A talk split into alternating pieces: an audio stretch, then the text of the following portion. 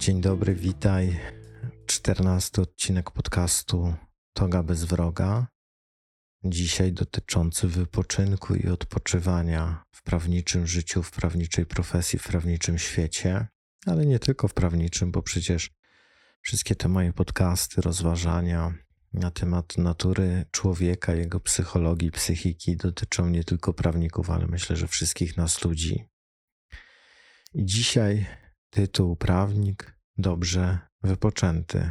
Będę starał się Ciebie namówić do tego, żebyś nauczyła, nauczył się, jeżeli tego nie robisz, oczywiście, wypoczywać i dobrze czuć się z sobą, dobrze się z sobą bawić, dobrze ze sobą spędzać czas w pracy albo przynajmniej poza pracą, najlepiej tutaj i tutaj bo gdy będziesz odpoczywać i w pracy, i poza pracą, twoje życie będzie bardzo lekkie, bardzo łatwe i bardzo przyjemne.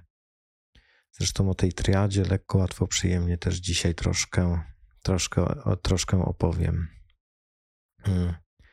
Pomysł na odcinek wziął się z dwóch, dwóch okoliczności. Po pierwsze, Piotrek Chodosz, o którym czasem wspominam w podcaście i w swoich postach pisanych, gdy mieliśmy spotkanie dotyczące pewnej współpracy, zaproponował, żebym zrobił post o, o odpoczywaniu, podcast o odpoczywaniu.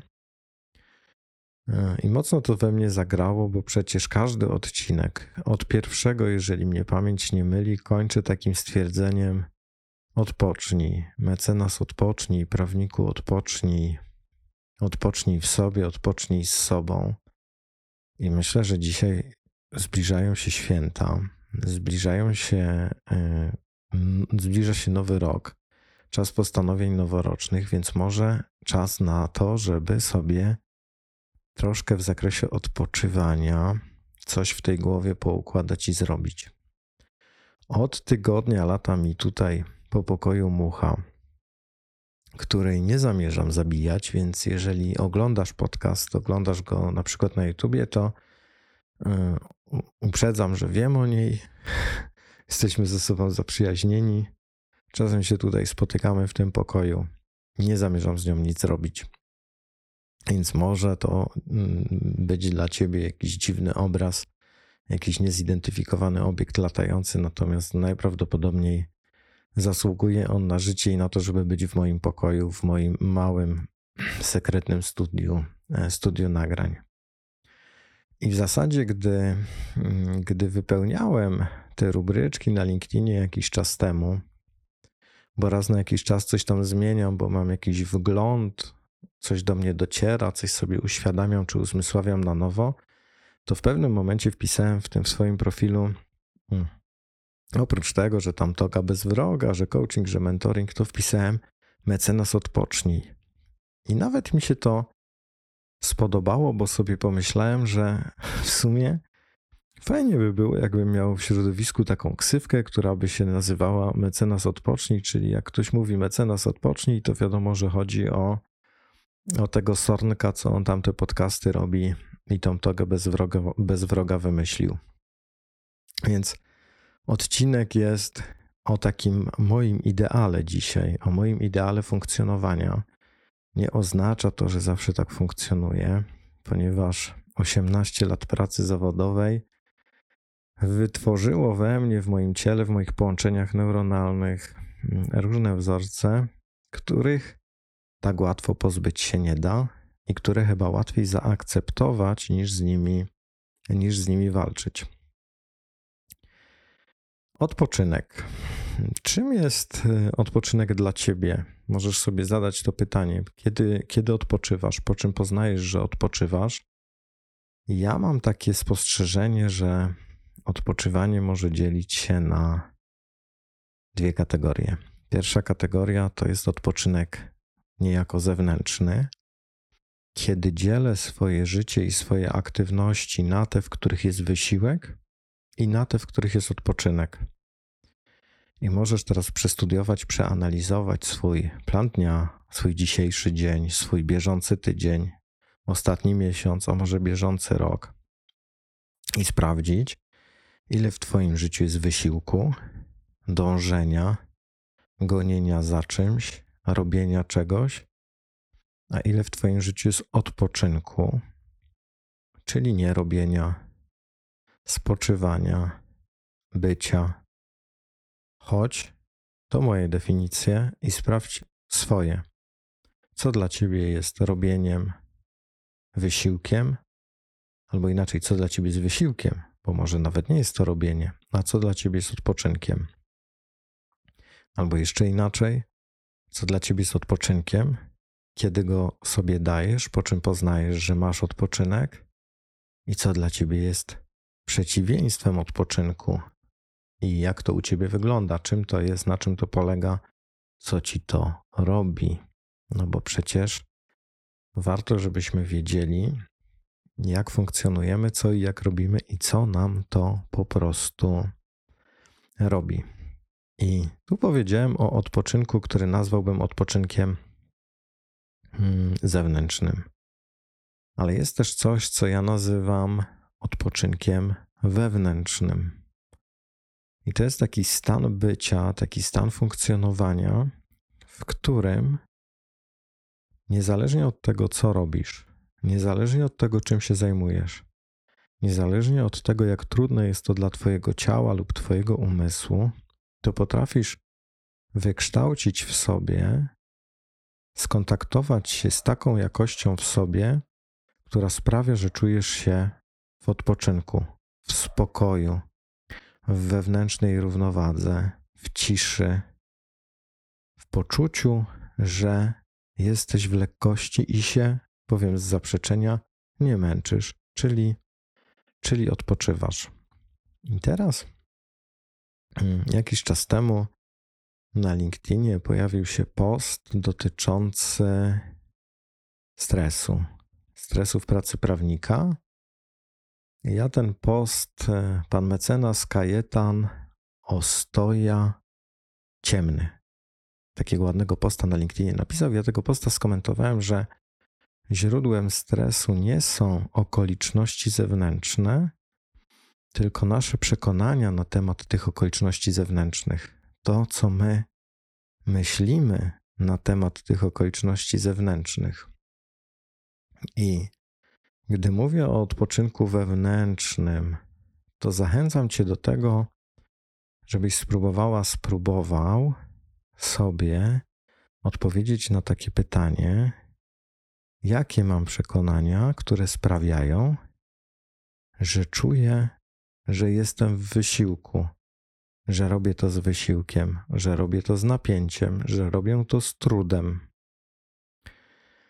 Jak wiecie, jeżeli, jeżeli słuchacie tego podcastu, to ostatnio jestem mocno zafascynowany i mocno czytam Davida Hawkinsa, różne jego książki dotyczące rozwoju świadomości, rozwoju osobistego, na pewno też czegoś, co można by nazwać duchowością człowieka i jego wędrówką ku poszukiwaniu czegoś większego niż on sam. I, i u tego Hawkinsa sporo jest na temat tego, jak przekonania wpływają na naszą, na naszą rzeczywistość. I teraz Hawkins podaje takie przykłady, gdzie miał do wykonania trudną pracę, ale moment, w którym odpuścił, odpuścił swoje przekonania na temat tej pracy i stał się niejako tylko wykonywaniem tej czynności, którą wykonywał, był momentem, w którym uświadomił sobie, że może trudne rzeczy, z pozoru trudne rzeczy robić z wielką lekkością. Mm, Hawkins akurat w tym przykładzie opowiada o jakiejś pracy w magazynie i przerzucaniu ciężkich, ciężkich kartonów. Zmierzam do tego, że jeżeli nauczysz się, znajdziesz sposoby na to, żeby odpoczywać w sobie, być w dobrym kontakcie z sobą, w dobrej relacji z sobą, to możesz odpoczywać pisząc apelację. Możesz odpoczywać siedząc w korporacji jako in-house albo w jakiejś kancelarii i przygotowując wielopoziomową, skomplikowaną transakcję MA. Możesz odpoczywać na rozprawie gdy sędzia jest nie w humorze i próbuje ten swój nastrój przerzucić na wszystkich dookoła i pozarażać wszystkich swoim jakimś trudem wewnętrznym. Oczywiście e, Jacek Stanisławski, z którym czasem się spotykam i, i robimy podcast Prawo do emocji, powiedziałby: No, Adam to taki model idealny, no ale wróćmy do rzeczywistości. I faktycznie taka umiejętność bycia w takim, w takim kontakcie z sobą, żeby mieć poczucie, że jest się dobrze ze sobą, że ma się dobrze ze sobą, nawet gdy dzieje się coś trudnego, złego, z takiego ogólnego pojęcia rzeczy napinającego, jest trudne, choć nie niemożliwe. Wymaga pracy, wymaga pewnego wysiłku i treningu. Nasza świadomość jest też troszkę jak mięsień, który trzeba co jakiś czas ćwiczyć, dawać mu nowe wyzwania, pokazywać mu, że e, no, można zrobić, można zrobić coś, e, coś więcej. Maciej Benewicz, którego też często wspominam, był takim zwolennikiem takiej triady, mm, która się nazywa i na pewno jest ci znana lekko, łatwo i przyjemnie. Czy ty jako prawnik potrafisz się skupić na takich aktywnościach i tak wybierać swoją zawodową drogę i swoje zawodowe życie, żeby ci było lekko, łatwo i przyjemnie? I teraz oczywiście jest w tym pewna pułapka bo gdy zaczniesz wybierać lekko, łatwo i przyjemnie, no to możesz mieć tendencję do tego, że gdy pojawia się trudno, ciężko i nieprzyjemnie, to rozkładasz ręce albo popadasz w jakieś załamanie, depresję, nostalgię, splin i tym podobne. Więc pytanie do ciebie, które potrzebujesz sobie zadać i które ja ci zadaję, i na które proszę, jeśli czujesz, to odpowiedz, to czy jesteś typem człowieka, który potrzebuje, żeby było zawsze lekko, łatwo i przyjemnie. Bo jeśli tak, jeśli tego od życia oczekujesz, tego potrzebujesz, taki jest etap Twojego rozwoju, Twojej świadomości, to być może warto, żebyś za tym podążała, za tym podążał. A jeżeli nie jesteś w modelu, że musi być lekko, łatwo i przyjemnie, to czy potrafisz znaleźć sposób na to, aby się zrelaksować, skontaktować ze sobą, odpocząć w sobie, gdy nie jest lekko, gdy nie jest łatwo, gdy nie jest przyjemnie, czyli gdy jest trudno, ciężko i nieprzyjemnie. Jak słyszysz, y, jest tutaj pewna robota do uświadomienia sobie. Gdy już sobie uświadomisz, to jest tutaj też pole do podjęcia decyzji, jak chcę działać w świecie, jak chcę działać w swoim zawodzie, jak chcę działać e, w swoich relacjach, czy, czy przykładowo w relacjach nawet pozazawodowych. Chcę porzucać ludzi, gdy się robi trudno, czy zamierzam się spotkać z tymi kawałkami, również w sobie przecież, które sprawiają, że mi trudno. Co sprawia tak naprawdę, że mi trudno, skoro moje myśli, moje emocje, moje uczucia dzieją się we mnie, to znaczy, że w gruncie rzeczy i do takiego myślenia staram się Was zachęcać w tym podcaście już od kilku odcinków, że w gruncie rzeczy sama, sam sobie to wszystko e, robię. Jest też takie pokutujące stwierdzenie u nas w, u nas w kraju. Ja pamiętam, bo kończyłem technikum. Zanim się wybrałem na studia prawnicze, kończyłem technikum że było, było mocno krytykowane podejście osób, które chciały zrobić coś po najniższej linii oporu. I zastanów się, ja z tym pytaniem też często jestem, że gdyby nas nie wychowywano w określony sposób, to czy mogłabyś, mógłbyś prowadzić kancelarię, być in-house'em, e, prawnikiem korporacyjnym, prawnikiem w, mm, w jakimś organie państwowym, który wybiera tylko to i tylko takie e, zajęcia, takie, takie stanowiska, takich pracodawców, u których idzie lekko, łatwo i przyjemnie. Czy gdyby nie nasze wychowanie, nasza kultura, socjalizacja, nasi rodzice, pewne przekonanie, że żeby zarobić, to się trzeba narobić, to czy mogłabyś, mógłbyś podchodzić do zawodu i do pracy z lekkością i powiedzieć sobie: Zrobię szybki strzał, zrobię produkt online, e, wydam e-booka, jak napisać pozew w takiej czy innej sprawie, dobrze się wypromuję i po prostu nie wysilając się zarobię porządne pieniądze. Czy to jest w ogóle w tobie, czy to się w tobie, w tobie mieści? Z jakiego powodu mm, myślimy, że jak coś jest po najniższej linii oporu, czyli nie sprawia mi trudności, nie sprawia, że ja oporuję albo materia nie oporuje, to to jest coś, e, coś złego. Ja często zadaję różnym ludziom takie pytanie: kto ci da ostatecznie nagrodę za to, że się zamęczasz? I idę w tym też czasem troszkę dalej i mówię: śmierć. Gdy przychodzi staruszka, śmierć nie rozdaje medali, nie wyróżnia nikogo za zasługi. Ona w ogóle nikogo nie wyróżnia. Leci, leci przez świat i zbiera żniwo, jaki się podoba, kiedy chce. Więc czy śmierć czy z punktu widzenia śmierci, która niewątpliwie w Twoim i w moim życiu nastąpi, ktokolwiek da nam medal i doceni nas za to, że, że myśmy się tak bardzo wysilali i że u nas to nie było po najmniejszej linii oporu? A nawet jeżeli, nawet jeżeli na nasz grób, na uroczystość pożegnania ostatniego z nami przyjdzie 100 tysięcy osób, to jakie to będzie miało dla nas w tym miejscu, w którym będziemy, niezależnie od koncepcji wiary i religii, którą wyznajesz, jakie to będzie miało dla nas znaczenie i ile to będzie e, miało dla nas w tym miejscu sensu, gdy niewątpliwie już opuścimy ciało albo w ogóle rozsypiemy się w niwecz. I to tak takim dość grubym tytułem e, wstępu. I chciałbym dzisiaj powiedzieć Wam o tym, co mi w moim doświadczeniu, w mojej obserwacji życia i ludzi, też o tym, o czym przeczytałem, co jest takimi czynnikami, co jest takim czynnikiem, który wpływa na to, że potrafimy odpoczywać, odpoczywać w pracy, albo odpoczywać i dobrze regenerować się po pracy, po wykonywaniu aktywności zawodowej czyli po zrobieniu tego twardego, prawniczego wysiłku.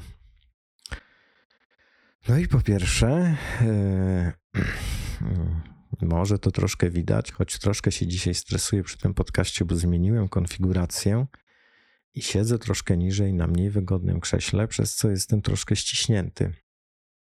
Ale dla mnie sposobem na odpoczywanie jest zrobienie to, co, te, to, co sprawia mi radość, tego, co sprawia mi radość, tego, co staje się dla mnie zabawą, co sprawia, że mam takie poczucie pasji albo flow, albo wprawia mnie w poczucie humoru. W ogóle robienie jaj, żartów, żartowanie sobie z rzeczywistości, z rozwoju osobistego, z siebie, jeśli tylko mam należyty dystans, jeżeli jestem wypoczęty, właśnie nieprzepracowany, albo robię coś, co naprawdę lubię, lubię robić, sprawia mi mnóstwo frajdy i czuję wtedy, że, że ja po prostu, mimo że coś tam sobie robię, to sobie odpoczywam. Takie, takie czasem mam wrażenie, że gdybym gdzieś po drodze miał taką sposobność i został kabareciarzem, to, to byłbym e, całą dobę w pracy, w której jest tylko odpoczynek, choć to też uda, ponieważ no, miałem różne doświadczenia ze światem kabaretowym i wiem też, że nie wszystko złoto, co się świeci, pozory mylą, a to, co widzimy na ekranie, niekoniecznie jest, nie, niekoniecznie zgadza się i jest, jest odzwierciedleniem tego, co się dzieje później, już gdy lampy gasną, a kamery zostają e, wyłączone. Co jeszcze jest ważne w moim odczuciu w umiejętności odpoczywania? I na to namawiam chyba najbardziej wszystkich. I to jest to, co ja nazywam odpoczywaniem w sobie. I odpoczynek w sobie bierze się z bardzo dobrego kontaktu i bardzo dobrej relacji z sobą.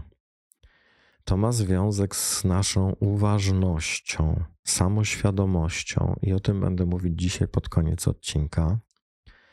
Natomiast kluczem, kluczem jest to, że ja się lubię. Ja się dobrze ze sobą czuję, akceptuję siebie. No bo wyobraź sobie, że gdy masz duży poziom akceptacji siebie, albo masz nieograniczony poziom akceptacji siebie, czyli uwielbiasz siebie, kochasz siebie, to co by miało sprawiać, że masz się źle czuć? Skoro cały czas masz kontakt z osobą, która jest fajna, którą lubisz, przepraszam, i nie jest to narcystyczne. Jest to po prostu dla ciebie naturalne, nie jesteś w tym jakaś wywyższająca czy wywyższający się po prostu, o jak fajnie, budzę się, jestem znowu e, w sobie, ze sobą, mam parę rzeczy na świecie do zrobienia, to je robię, natomiast o, jak to milutko jest ze sobą pobyć. I spotykasz takiego czy innego człowieka, taką czy inną sytuację, wzlot lub upadek, i co by się nie działo, to myślisz sobie, dalej jestem ze sobą, przynajmniej to całkiem nieźle mi to, mi to idzie. Troszkę sobie z tego być może żartuję, możesz to tak odbierać, natomiast wierz mi, że to jest taka perspektywa całkiem możliwa, całkiem realna. Ona jest do wypracowania. Z tym się oczywiście wiąże kilka tematów, które e, my, prawnicy i my, nieprawnicy, czyli inni ludzie, zakopujemy pod dywan. Ponieważ każdy z nas ma, ja mam, mogę nawet się pochwalić, trudne kawałki takie, to są takie kawałki takiej jakości, których my w sobie nie lubimy, dlatego że ktoś nam powiedział, że one są złe i okrutne i obrzydliwe. No jak siebie nie lubimy, bo mamy te kawałki, a każdy je ma, to trudno nam ze sobą być w dobrej relacji i odpoczywać w sobie ze sobą, bez względu na okoliczności, skoro cały czas walimy sami siebie linijką po łapkach. Katujemy się, obwiniamy się, krytykujemy się, czujemy się niewystarczający, niedomagający i tym podobne. Hmm. Ja bardzo długo krytykowałem się za swój gniew, za to, że się w ogóle gniewam. To oczywiście bierze się z historii rodzinnej. Myślę, że każdy młody facet ma jakiś taki kawałek dotyczący gniewu, bardzo często związany ze swoim ojcem i z taką niechęcią powtórzenia pewnych zachowań swojego ojca, które mocno zraniły i mocno bolały. Ja mam, choć już nie mam żadnego żalu, bo dzisiaj myślę sobie, e, ale ja mam prawo do gniewu. Ja mam prawo do wkurwu. I kiedyś było tak, że byłem wkurzony na siebie, że jestem wkurzony. A dzisiaj sobie myślę, jestem wkurzony, to jestem wkurzony. Nie podoba mi się, to mi się nie podoba. Wyrażam. Czasem podnoszę głos, czasem nasze kłótnie z moją kochaną Tinką są dość takie no, na, na, na, na wysokich częstotliwościach, e, w sensie głośne. Ale każdy wyprztyka się z tego, co potrzebuje, każdy daje sobie na to zgodę, rozchodzimy się i po 15-20 minutach, jakby temat jest w ogóle już nieaktualny, bo sprawa jest rozładowana, nie ma tłumienia. Ja złość, gniew w sobie mam. Bywam czasem wredny, naprawdę. I myślę, że to, co mi bardzo pomaga w moim życiu, zwłaszcza w ostatnim okresie, to to, że ja pomimo tych jakości, mimo tego, że one są i społeczeństwo mi mówi, to jest fe, tego nie wolno, to się nikomu nie podoba, to ja siebie lubię. I jak siebie lubię, to nawet jak się dzieje coś gorszego, tak jak już powiedziałem, to myślę sobie, no dobra, ale mam siebie, mam kontakt z sobą, mam tutaj takiego gościa w opiece i, cały czas się nim muszę w jakiś sposób zajmować. Czasem się odzywa we mnie małe, rozwścieczone, zawiedzione, albo smutne, albo rozgoryczone, albo zblazowane dziecko.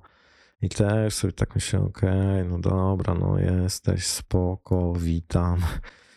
Chodź tutaj, chodź tutaj po prostu pobądź sobie w tym, przejdzie ci za chwilę pewnie. Tylko tego nie tłum, tylko z tym nie walcz, tylko przed tym nie uciekaj. I jak przestajemy uciekać, przestajemy walczyć ze swoimi stanami, emocjami, z tym, jacy naprawdę kurcze jesteśmy. Każdy z nas w sobie ma takie kawałki. Każdy. Nie znam człowieka, który by nie miał, nie miał. To nagle dzieją się cuda i zaczyna się y, jakby dziać tak, że czujemy się ze sobą lepiej. Te trudne rzeczy z jakiegoś dziwnego powodu, o tym też opowiem, jeśli nie zapomnę, przestają się nam już tak często wydarzać, stajemy się bardziej świadomi w ogóle tego, co robimy i jak funkcjonujemy. No i tutaj bardzo Cię zachęcam, bo, bo będę starał się w kolejnych odcinkach podcastu już zachęcać przy każdym odcinku do przeczytania jakiejś książki. Więc zachęcam Cię do przeczytania książki Antonego de Mello. Ja już chyba o niej wspominałem. Przestań siebie naprawiać. De Mello to nie jest gruba, jest też audiobook. Wchodzi szybko. E, myślę, że prawnikom może się podobać i może smakować, bo Demello jest wysokich poziomów intelektualistą, choć przede wszystkim jest, można by powiedzieć, no, nauczycielem duchowym. Chyba można by to tak nazwać, ale nie martw się, nie będzie cię Demello namawiał do żadnej religii wyznania ani niczego takiego będzie ci próbował pokazać rzeczywistość i świat takim, jakim on jest w istocie, a nie takim, jakim nam się wydaje, że jest. I moje ważne odkrycie, do którego zapraszam też każdego, z kim się spotykam, z kim rozmawiam, z kim pracuję, to to, że gdy my już mamy zgodę na siebie, odkrywamy siebie, jesteśmy w zgodzie ze sobą, wiemy, kim jesteśmy, to tak naprawdę ci, którzy nas nie akceptują, mogą się iść gonić. Mamy już gdzieś to, że komuś nie pasujemy, bo jak zaczęliśmy pasować sami sobie, to co nas interesują inni? Notabene dzisiaj słuchałem mm, ostatniego wywiadu e, live'a, który zrobił uważny prawnik na Instagramie. Pozdrawiam Bartosza Jakimca z całego serca z tego miejsca. I ten live jest, jest o odwadze. I naprawdę polecam, polecam, polecam. Gościni e, Bartosza jest po prostu mega optymistyczną, radosną osobą, szczerą do bólu, dlatego że nie pierdzieli się w tańcu i jest sobą. A jest sobą dlatego, że ma gdzieś to, co powiedzą inni i jak na to zareagują. Wiktor Osiatyński, znakomity polski prawnik, kiedyś napisał takie zdanie: Spójrz rano w lustro, zrób sobie przedziałek na głowie i odpierdol się od siebie. I Osiatyński, ja ten cytat znam kilka lat, ale ja go naprawdę przez spory czas nie rozumiałem, bo Osiatyński w gruncie rzeczy zachęca nas do tego, żebyśmy zaakceptowali to, jacy jesteśmy. Ja już o tym chyba wspominałem ostatnio albo dwa odcinki temu, że są takie teorie, teorie dotyczące świadomości człowieka, rozwoju świadomości człowieka, które twierdzą, że gdy próbujemy się zmienić, to zmiany nasze dotyczą naszego zachowania, to są zmiany na poziomie zachowania, czyli pewnych wystudiowanych ról, zachowań, sposobów działania i funkcjonowania, ale nie dotyczą naszego koru, naszej istoty. Istota, zdaniem niektórych, jest niezmienna i stała. Jedyne, co może realnie wpłynąć na nasze zachowanie, nie zmieniając istoty, to nasza umiejętność obserwacji, czyli nasza samoświadomość, nasza zdolność przyglądania się sobie i odkrywania, a co my właściwie robimy. Bo gdy staję się świadomy, że w kłótni podnoszę głos i robię się taki mega zabijaka, włączają mi się moje wszystkie prawnicze skille, które testowałem te prawie 10 lat na salach rozpraw, no to robi się naprawdę ciężko i duszno bo życie rodzinne, życie w relacji to nie jest sala, sala rozpraw. Aby odpoczywać w sobie, warto też, hmm, co jest związane z tym lubieniem siebie i z cytatem Osiatyńskiego, warto sobie powiedzieć w końcu: Jestem wystarczająca, jestem wystarczający. Zobacz, jak byłaś, byłeś takim małym dzieciakiem.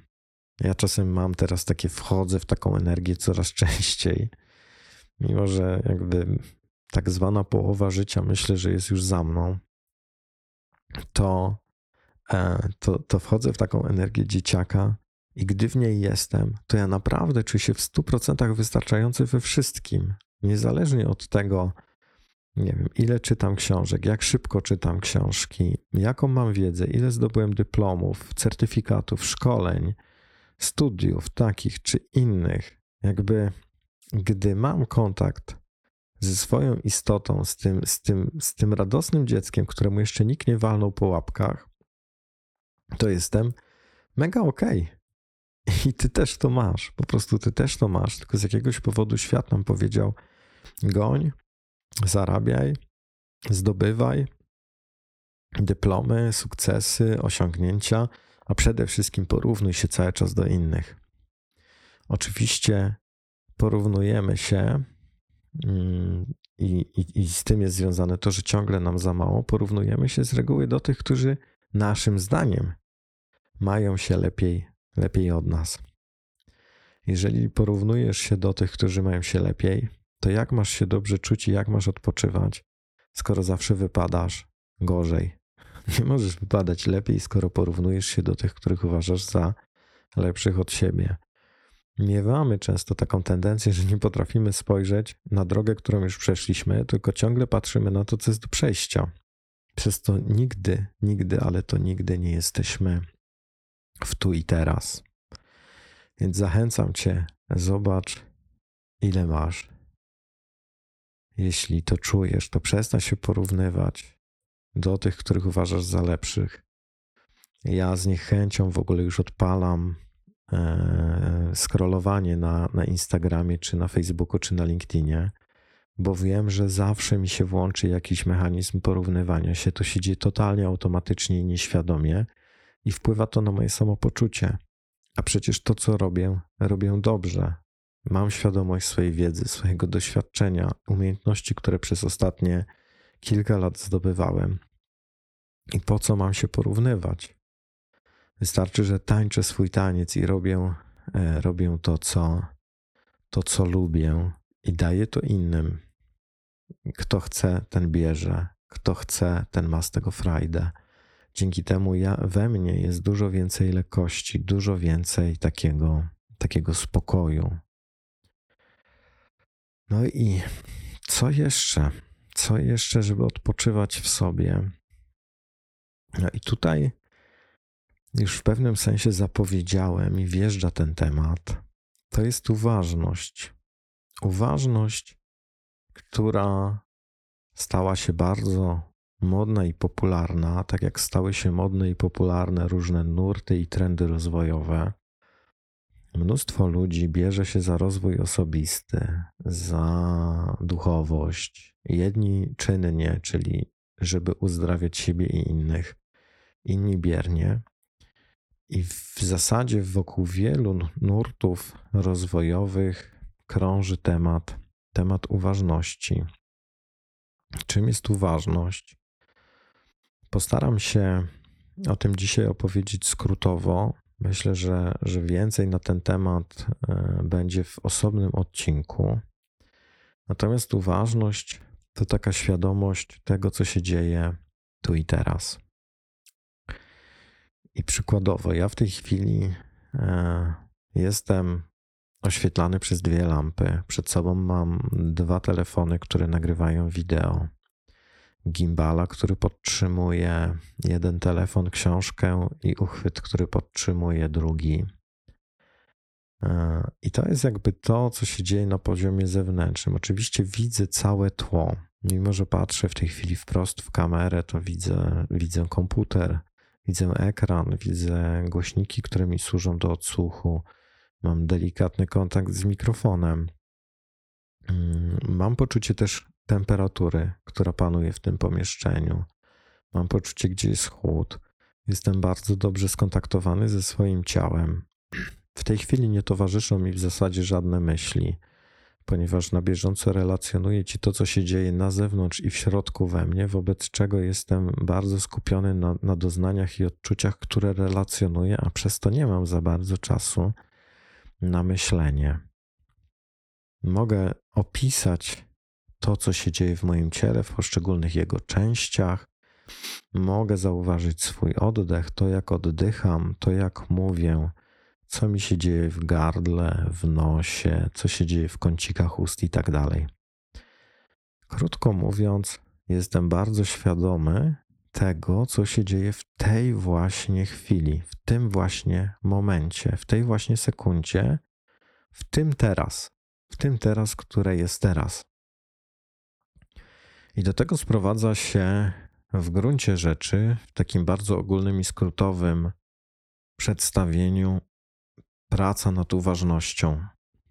Kultywowanie czy mm, dbanie o swoją uważność, o bycie w tu i teraz.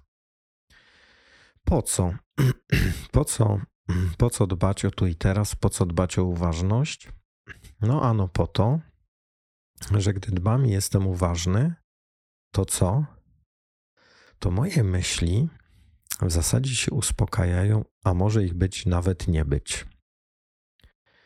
I moja taka gonitwa myślowa pomiędzy przeszłością, co było, jak to było, czy to się powtórzy, a jakie to było trudne, i przyszłością, oby stało się tak, oby nie stało się tak, zaczyna znikać. Jedno z głównych napięć, które w nas jest, w nas ludziach, dotyczy rozciągnięcia naszej istoty pomiędzy przeszłością a przyszłością, wskutek czego nie jesteśmy nigdy albo bardzo rzadko w tu i teraz. Jesteśmy myślami albo w przeszłości, albo w przyszłości, a rzadko jesteśmy z tym, co jest właśnie teraz. I te moje wypowiedzi, te, to, to, to, o czym opowiadałem, co się dzieje ze mną, gdy mówię w tym pokoju, były takim momentem absolutnego skontaktowania się z teraźniejszością, z tym, co tu i teraz. I gdy ma się taki kontakt, to ciało zaczyna odpoczywać. Zaczyna odpoczywać. Bo jeżeli mam kontakt ze sobą, ze swoim ciałem, ze swoim doświadczeniem, ze swoim oddechem, ze swoją postawą, z moimi uczuciami i doznaniami, to po pierwsze, wszystko jest dla mnie jasne, co się dzieje, ale po drugie też, i tu odsyłam do nauki i do fizyki kwantowej, ale po drugie też akt obserwacji wpływa na zachowanie obserwowanego obiektu. Czyli jeżeli zacznę obserwować swój oddech i zauważę, że on jest ciężki, to nie wykonując na zbytniego wysiłku, a poprzestając tylko na obserwacji, w pewnym momencie zauważę, że mój oddech samoczynnie zaczyna zwalniać, zaczyna się uspokajać, staje się spokojniejszy, głębszy, pełniejszy, delikatniejszy. Naucz się, jeśli oczywiście czujesz ten temat, obserwować siebie w pracy, swoje czynności, to co robisz, to jak robisz, to jak funkcjonuje w tym Twoje ciało, jak się zachowuje. Im bardziej będziesz uważno uważny na swoje ciało, na swoje doznania, na swój oddech, na swoje myśli, które się pojawiają i które nie są Tobą, one się pojawiają w Tobie. Nie jesteś swoimi myślami, nigdy w to nie wiesz. Im bardziej będziesz czujny, czujna na te elementy, tym przekonasz się, będzie ci lżej.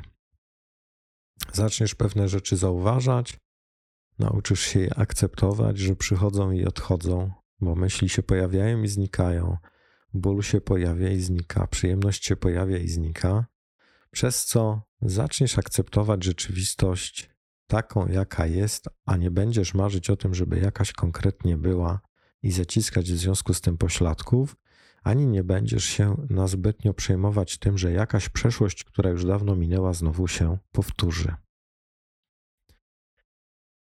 To już dość mocny krok.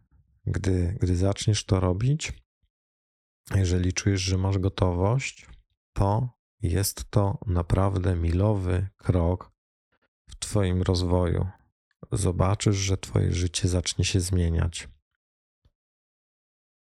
Możesz też zacząć medytować.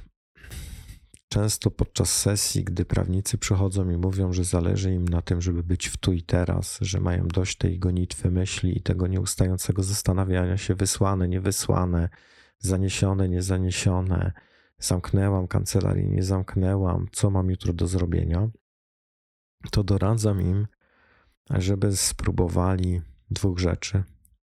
Aplikacji Intu Medytacja, na, którą znajdziesz w App Store i w sklepiku googlowskim w swoim smartfonie.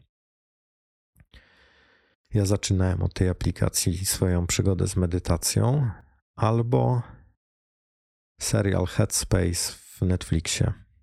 To są takie dwa narzędzia, które w prosty sposób uczą, czym jest medytacja i czemu ona służy, jak pomaga, jakie są naukowe badania na temat medytacji. Intu może nie jest tak mocno opracowany od strony naukowej, za to jest doskonale opracowany od strony praktycznej i wdrażania cię krok po kroku w, w medytacji i w pracy z samym sobą. Co da ci medytacja?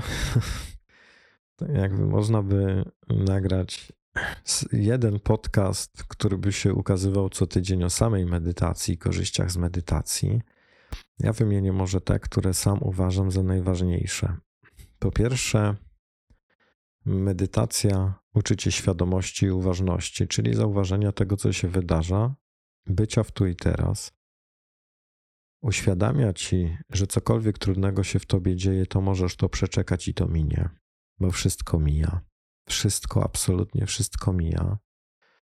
Możesz w związku z tym uwolnić różne emocje, które w tobie są, a na które na co dzień nie masz zgody, które tłumisz, wypierasz, uciekasz przed nimi. Wpływa na nasz e, sposób reagowania, czyli e, rzecz w tym, czy, czy to, co się dzieje na zewnątrz, sprawia, że od razu w nas się włączają, włączają mechanizmy obronne, walcz, uciekaj, i tym podobne, czy potrafimy skorzystać z aparatu intelektualnego i spłata czołowego po to, żeby przed zareagowaniem podjąć świadomą decyzję, a nie zwierzęcą decyzję na temat tego, jak chcemy zareagować na dane wydarzenie. Mówiąc krótko, medytacja rozwija naszą zdolność świadomego podjęcia decyzji, jak chcemy zareagować, zanim zareagujemy automatycznie ze skryptu. Myślę, że tych, tych, e, tych różnych korzyści z medytacji mógłbym wymieniać wiele, wiele więcej. Tak jak mówiłem, być może zrobię osobny odcinek na temat medytacji, albo nawet zrobię kurs medytacji dla prawników. Więc na ten temat jeszcze przyjdzie, myślę, czas i pora, żeby o tym, o tym porozmawiać. Ale chciałem Cię zachęcić, jako że my ludzie i my prawnicy często mamy trudność spotkania się z tym, co trudne w nas, więc chciałem Cię zachęcić, jeżeli czujesz taką gotowość, znam prawników, którzy czuli. I, I mimo, że tak jak ja byli po czterdziestce i wydawałoby się, że już niewiele w ich życiu da się zmienić, to decydowali się na to, żeby pojechać na dziesięciodniowe odosobnienie medytacyjne. Ja polecam medytację Vipassana, która jest e, organizowana przez Fundację Medytacji Vipassana w Dziadowicach. To jest mniej więcej w takim trójkącie Turek koło Konin. Jest to świecki ośrodek medytacyjny, działający w formie fundacji, żyjący tylko z darowizn, który uczy medytacji tej, którą propagował Buddha. Natomiast nie jest to medytacja religijna, dlatego że Buddha nie tworzył żadnej religii. Religię stworzyli ludzie, którzy przyszli po Buddzie. Buddha uczył świadomości, prawdy, cokolwiek to dla ciebie znaczy, i pewnej ścieżki do oświecenia, czyli uwolnienia się od wszelkiego cierpienia. 10 dni głębokiej pracy z samym sobą za darmo, w tym sensie, że po skończonym kursie możesz, ale nie musisz dać darowiznę, albo możesz, ale nie musisz przyjechać służyć i pomagać innym, przygotować ośrodek dla kolejnych osób, które chcą medytować. Myślę, że warto, żebyś, jeżeli czujesz temat, rozważyła to, ponieważ medytacja ostatecznie, podobnie jak uważność, wpływa na naszą umiejętność odpoczywania i relaksowania się w rzeczywistości w takiej, jaką ona jest.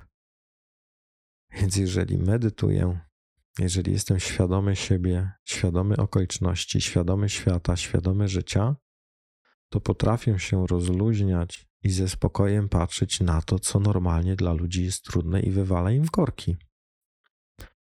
I o tym jest przede wszystkim dla mnie a jeśli się zdecydujesz, również dla ciebie, e, dla ciebie medytacja. Co jeszcze jest ważne w odpoczywaniu prawnika? Ważny jest sen. Sen. Nie pamiętam, co to była za książka, ale polecano mi książkę napisaną przez jednego ze znanych piłkarzy. Nie pamiętam którego. Piłką nożną przestałem się interesować paręnaście lat temu. I piłkarz ten chyba w, we współautorstwie z jakimś, jakimś, jakąś osobistością świata nauki napisał o korzyściach z dobrego, prawidłowego wysypiania się. Ja nie jestem ekspertem od snu. Poza tym, co mogę powiedzieć na swój temat, jeżeli chodzi o sen. I sen i wysypianie się jest ważne po prostu jest ważne. Wiem, że to, to jest truizm, to jest coś oczywistego. Natomiast we, we śnie odpoczywasz i się regenerujesz. Warto w tym zadbać o cykl dobowy, czyli o to, żeby gdy robi się ciemno, już się wyciszać, a nie siedzieć na Facebooku, Instagramie, YouTubach i nie, nie obserwować niekończących się migających ek ekranów, które powodują bardzo duży wyrzut dopaminy do mózgu, przez co jesteśmy pobudzeni, mamy trudność zaśnięcia. Ja miałem okresy, w których przed snem spożywałem alkohol regularnie, w mniejszych lub większych ilościach, i z reguły powodowało to, że się nie wysypiałem, dlatego że mój organizm w nocy zajmował się metabolizowaniem alkoholu. Dieta, obiadanie się przed snem, płyny, czyli woda, nawadnianie się, to wszystko wpływa na jakość, na jakość naszego snu. Jeśli źle śpisz, to źle wypoczywasz. Jeżeli źle wypoczywasz, to czas y, zająć się tym tematem, Kup sobie książkę, obejrzyj jakiś dobry film na YouTubie na ten temat. Udaj się do specjalisty. Zbadaj to, bo sen jest bardzo ważny. Ale też, jeżeli nauczysz się dobrze medytować, to gwarantuję ci, że pomimo tego, że nie będziesz potrafiła, potrafił zasnąć, będziesz umiał za pomocą technik medytacyjnych wywołać w sobie taki stan odpoczynku i rozluźnienia, że pomimo braku snu ciało będzie się regenerowało. To też są fakty i to też jest już, już nauka. Ze snem jest związane nasze śnienie, czyli to, co nam się śni w nocy.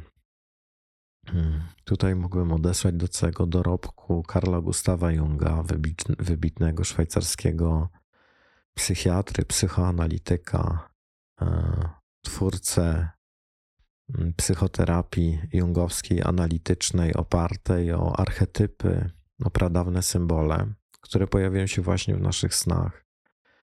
I sny są dla ciebie o tyle ważne, że jeżeli masz, miewasz trudne sny, w których dzieją się trudne rzeczy, to te sny pokazują i symbolizują na swoje sposoby, mogą przynajmniej, nie wszystkie oczywiście, mogą pokazywać i symbolizować Twoje konflikty wewnętrzne.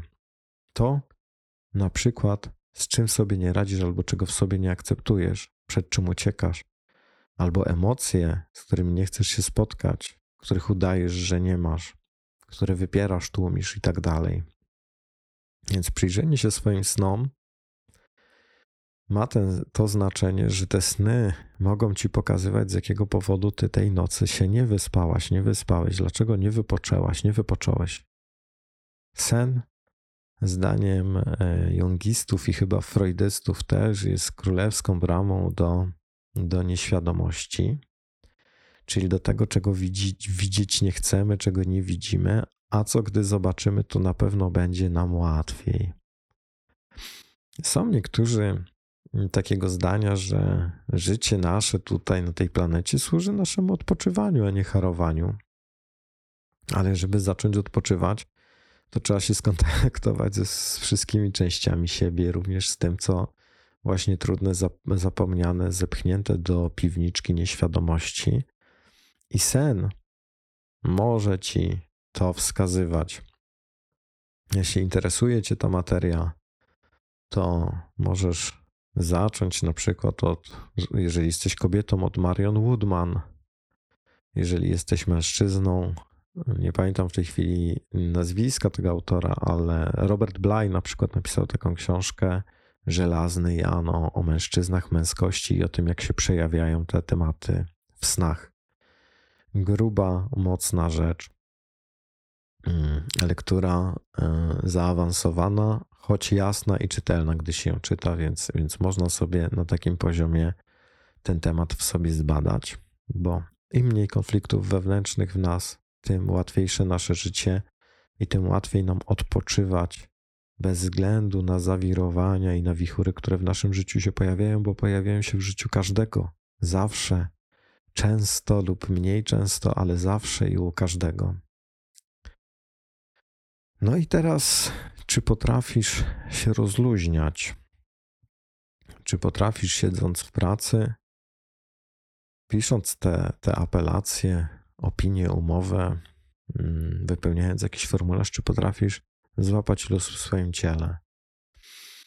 Czy potrafisz skontaktować się ze swoim oddechem i, i będąc w połączeniu ze swoim oddechem, być może zamykając oczy, skontaktować się na swoim ciele, na tym, co w nim i powiedzieć sobie: O, czuję tu napięcie, rozluźniam się, daję sobie wytchnienie tutaj, pozwalam sobie tutaj odpocząć.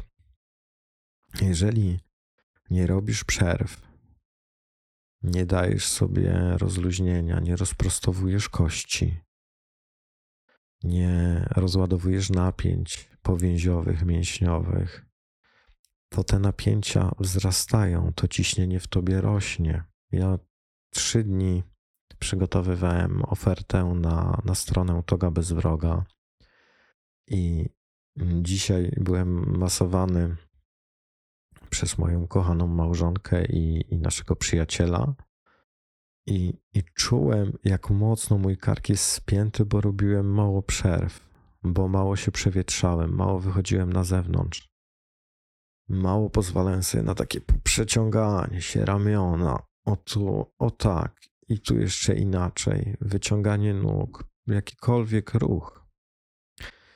Więc jeżeli nie, nie odpoczywasz, bo nie rozluźniasz ciała, to napięcie w tym ciele będzie rosło, a jak będzie rosło, to będzie ci z tobą coraz trudniej. I nie będzie sposobu na to, żebyś odpoczywała w trakcie burzliwej rozprawy, bo nie będziesz miała, miał ku temu zasobów. A gdy jesteśmy napięci, ciężko nam z naszym ciałem, bo jest ponapinane, dlatego że pisaliśmy apelacje albo opinie. Do tego siedzieliśmy przy komputerze, na mailach, fakturach i tym podobne kilka godzin. To łatwiej nam wybuchnąć. Ciało napięte jest bardziej podatne na niekontrolowaną, nieupilnowaną ekspresję. Oczywiście to nic złego, że czasem wybuchamy, bo też potrzebujemy się od siebie odpierdzielić. Ale możemy też zadbać o to, żeby z poziomu wewnętrznego dobrostanu, wewnętrznego spokoju, miękkości, lekkości podchodzić do spraw. Ale żeby miękkość, lekkość, dobrostan się pojawiły, potrzebujemy wypoczywać, dbać o przerwy, o uwalnianie napięć w ciele, o rozciąganie się. Może właśnie dlatego warto wyskoczyć na jogę w środku dnia albo do klubu fitness na jakieś zajęcia, które są ze zdrowego kręgosłupa. Albo na jeszcze coś innego. My, my z żoną chodzimy do, mamy olbrzymie szczęście, bo chodzimy na zajęcia z Qigongu. Mm, to jest taka technika zbliżona i podobna do Tai Chi, którą w, w Warszawie prowadzi mm, i nie tylko w Warszawie e, Tomek, Tomasz Tomek Eichelberger. I naprawdę, jeżeli, jeżeli masz u siebie jakiegoś człowieka, który robi dobrze Qigong, to zobacz, pójdź, przekonaj się. Ja też klientkom e, na sesjach często polecam masaż lomi-lomi, gdy odkrywają, że potrzebują oprócz bycia tym twardym prawnikiem, mieć też kontakt z taką jakością, która jest delikatna, subtelna, miękka, bardziej właśnie kobieca, nie taka męska, waleczna. I masaż lomi-lomi jest czymś, co kontaktuje z tą jakością i nie da się tego naprawdę zapomnieć. I to też wpływa na umiejętność odpoczywania, bycia osobą, istotą e, zrelaksowaną. Bardzo dobrym sposobem też na uobecnienie się i rozluźnienie napięć w ciele i odpoczywanie w ciągu dnia, również w ciągu pracy, jest oddech. Wdech, wydech, świadomie. Jeżeli zamkniesz oczy, zrobisz kilka głębokich wdechów, kilka głębokich wydechów, mocnych wydechów, ale nie w przemocy, tylko w takim zanurzeniu się, to zaraz zobaczysz, gdzie są napięcia w Twoim ciele. Jeżeli nie będziesz z nimi walczyć, tylko będziesz dalej oddychać, oddychać do tych miejsc, jakkolwiek ezoterycznie to brzmi, zobaczysz, że Twoje ciało się rozluźnia. Mi wystarczą trzy minuty z zamkniętymi oczami, żeby wprowadzić się i swoje fale mózgowe w inny stan, w inną częstotliwość, co znacznie wpływa na moją regenerację. Możesz też poczytać sobie, jeśli chcesz, o falach mózgowych, o tym, jak medytacja między innymi albo oddech wpływa na fale mózgowe i na to, jak na poszczególnych częstotliwościach tych fal mózgowych, na przykład fal teta, nasze ciało się regeneruje, czy wręcz zdaniem niektórych uzdrawia. I to też nie jest ezoteryka, to są fakty, to jest nauka. Żyjemy w czasach, w których zbadane jest już, jest już naprawdę bardzo wiele elementów wpływających na ludzkie, na, ludzkie, na ludzkie funkcjonowanie. I nawet jeżeli Twój oddech będzie ciężki, to zobaczysz, jak już wspominałem, że sam akt obserwacji, czy oddechu, czy nawet napięć w ciele wpływa na to, że potrafimy jednak doprowadzić do tego, że, że się to rozluźnia. Oddech się uspokaja, ciało się rozluźnia. Jedyne, co musimy zrobić, to wprowadzić świadomość, czyli na chwilę się zatrzymać, wziąć te parę oddechów, pozaglądać do siebie, do środka i poczekać na efekty, niczego nie przyspieszając. Czy coś jeszcze? Zerkam na swoją ściągę. No, jeszcze jedna ważna rzecz. Ten odcinek może mieć dla ciebie sens tylko wtedy, kiedy masz czas na odpoczynek kiedy masz czas na to, żeby wytrenować w sobie umiejętność odpoczywania w trudnych rzeczach, albo odpoczywania przynajmniej, gdy trudne rzeczy się kończą. Bo jeżeli na nic nie masz czasu, to być może nawet nie masz czasu na odsłuchanie tego podcastu do końca. I myślę, że dla mnie, jako dla prawnika, to była zmora do pewnego momentu, że ja nie miałem czasu na nic. Kompletnie na nic. Było tyle spraw, tylu klientów, tyle procesów, tyle osób do ogarnięcia, że nie miałem czasu na nic. I mi się tutaj zawsze przypomina taka przypowieść, którą gdzieś przeczytałem o dwóch gościach, którzy rywalizowali, kto więcej drwa przerąbie siekierą. I jeden rąbał i robił sobie przerwy i odpoczywał i ostrzył siekierę, a drugi mówił, że on nie ma czasu, bo on w tej rywalizacji to musi cały czas rąbać, więc on nie ma czasu, żeby się zatrzymywać i naostrzyć siekierę, bo on chce wygrać. Więc walił tempą. I tą tempą siekierą no, oczywiście przegrywał, mimo że wydawałoby się, że się narobił dużo więcej. Jeżeli nie masz umiejętności zarządzania swoim czasem, zatrzymania się i odpoczęcia, aby naostrzyć siekierę, to najprawdopodobniej wszystko, co powiedziałem w tym odcinku, może być dla ciebie stekiem użytecznej wiedzy, która i tak wyląduje w koszu. Więc życzę ci tego i zapraszam cię, jeżeli twierdzisz, że nie masz czasu, na nic. Żebyś w końcu podjęła, podjął decyzję, że czas ten czas znaleźć. Bo brak czasu na cokolwiek, czy na wszystko, czy na nic jest zawsze, zawsze wymówką. Nie mamy czasu, dlatego że tak zadecydowaliśmy, że wybraliśmy coś, a nie wybraliśmy czegoś innego. Więc zacznij wybierać, czy jak to ja nazywam w swoich różnych aktywnościach, zacznij definiować swoje życie i to, gdzie lokujesz swoją energię i swój czas, na co i czy ci to służy. Krótko podsumowując, możesz odpoczywać na dwa sposoby. Jeden to odpoczywanie po tyrce. Natyrałam się, natyrałem się, czas odpocząć i się zrelaksować. A drugi to wypracowywanie, ukształtowanie mechanizmu umiejętnego znajdowania odpoczynku w sobie w czasie pracy, bez względu na to, co robię, bez względu na to, co się dzieje w moim życiu, z taką świadomością, uważnością, że wszystko mija, że wszystko się zmienia i to, co się dzieje teraz, to, co teraz jest trudne, też się zmieni. I można się do tego z czasem nauczyć rozluźniać, bo to, czy się spinamy, czy nie, jest wynikiem naszych przekonań i tego, jak myślimy o rzeczywistości i o tym, co się właśnie, właśnie wydarzyło. I drugi sposób, czyli odpoczywanie w sobie, jako to, co daje nam kontakt z sobą zawsze i z relaksem wewnętrznym zawsze. Weź sobie z, z tego odcinka, co chcesz.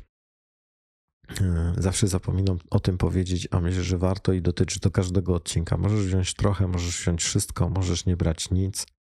Zadecyduj, czy chcesz odpoczywać, czy chcesz odpoczywać tylko po pracy, czy chcesz uczyć się odpoczywać w każdym momencie swojego życia i relaksować się do każdej sytuacji.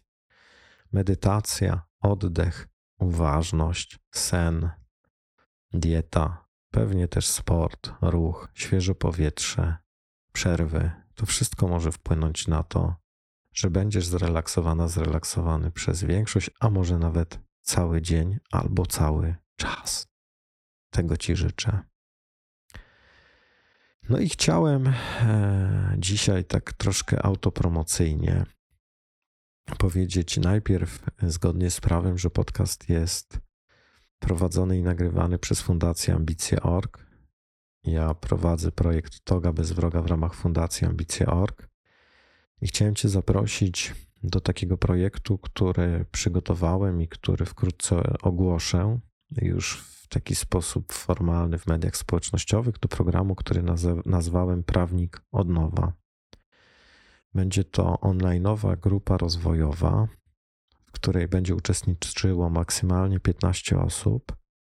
Będzie 15 spotkań po 4 godziny każde w soboty i będziemy zajmowali się wszystkim tym, co prawnikowi jest potrzebne do szczęścia, do dobrostanu. Do dobrostanu od strony takiej materialnej, czyli ogarnięcia swojego biznesu, ale też do dobrostanu w znaczeniu takim wewnętrznym, niematerialnym, psychofizycznym czy nawet duchowym. 15 osób, 15 tygodni, 4 godziny w soboty. Te soboty już, już są określone. Szczegóły znajdują się na stronie togabezwroga.pl ukośnik od nowa, bo to taka, taka prawnicza odnowa, żebyś mogła, mógł się odnowić, jeżeli coś ci doskwiera i program jest przygotowany w taki sposób, żeby mogli z niego skorzystać prawnicy początkujący, ci, którzy mają już jakieś sukcesy za sobą, jak i ci, którzy już są e, rekinami prawniczej, finansjery i niefinansjery, a jednak coś im brakuje, coś im doskwiera, coś im, e, coś im jeszcze mm, dolega. E, szczegóły programu znajdują się na stronie. Tam jest bardzo szczegółowy program, czym się będziemy zajmować. Jeżeli słuchasz tego podcastu, to część tematów, o których opowiadałem w podcaście, będzie też przedmiotem tego, tego programu. Będzie to praca narzędziowa z ćwiczeniami. Będziemy ćwiczyć na online'ach, będzie, będziemy, będziecie ćwiczyć po spotkaniach ze mną. Będą zadania domowe te 15 tygodni będzie takim okresem intensywnej pracy nad sobą. Zbliża się nowy rok, postanowienia świąteczne, noworoczne. Być może to jest dobry czas, żebyś podjęła, podjął decyzję, że, że, że chcesz coś zmienić. Jeżeli tak, to sprawdź, czy to, co ja mam do zaoferowania, to, co fundacja e, w ramach projektu Toga bez wroga ma do zaoferowania, ci po prostu pasuje, czy ci to leży. togabezwroga.pl ukośnik od nowa. No i dziś, jak zawsze mówię, odpocznij. Odpocznij. Bardzo Cię proszę, jeśli to dla Ciebie możliwe, skomentuj, udostępnij, wyślij recenzję, napisz do mnie, jaki ten podcast dla Ciebie jest, co Ci robi.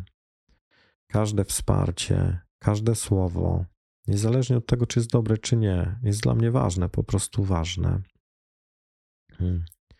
Podcast jest darmowy, jest w ramach nieodpłatnej działalności pożytku publicznego Fundacji Ambicja.org. Więc dla mnie, jako człowieka, który wkłada w to określoną energię, ważne jest też to, jak, jak wy to odbieracie, co to dla was znaczy, co wam to robi, jakie to dla was jest. Im więcej udostępnień, lajków, subów, tym, tym większe dotarcie tego podcastu. Dzięki temu też prawnicy mogą ogarniać swoje życie lepiej, ale mogą też, jeśli tego potrzebują, skorzystać z, z, tego, co fundacja robi już w ramach działalności odpłatnej dla, dla świata prawniczego i dla prawników, korzystając z mojego doświadczenia, moich nauk, ale też moich błędów i porażek, które na różnych etapach życia zawodowego przecież poniosłem. Podcast jest też dostępny na YouTubie. Na Instagramie pojawiają się rolki z fragmentami podcastu. I, I to chyba wszystko na dzisiaj. Zobaczymy się, usłyszymy się jeszcze przed świętami, więc na życzenia przyjdzie czas. Przyszły odcinek jeszcze nie wiem o czym będzie. Może o medytacji, żeby przed świętami było lżej. Myślę też, że odnośnie medytacji zrobię dla Was coś więcej żebyście mogli nauczyć się odpoczywać w sobie i ze sobą, nauczyć się akceptować wszystko, co się w Was dzieje, bo gdy nauczycie się akceptacji tego, co w Was, nauczycie się akceptacji wszystkiego innego i nic już nie będzie dla Was przeszkodą do spokojnego funkcjonowania. Dziękuję za uwagę. Miejcie się dobrze, miejcie się cudownie. Zapraszam tych, którzy tego potrzebują na stronę togabezwroga.pl. Słyszymy się za tydzień przed świętami.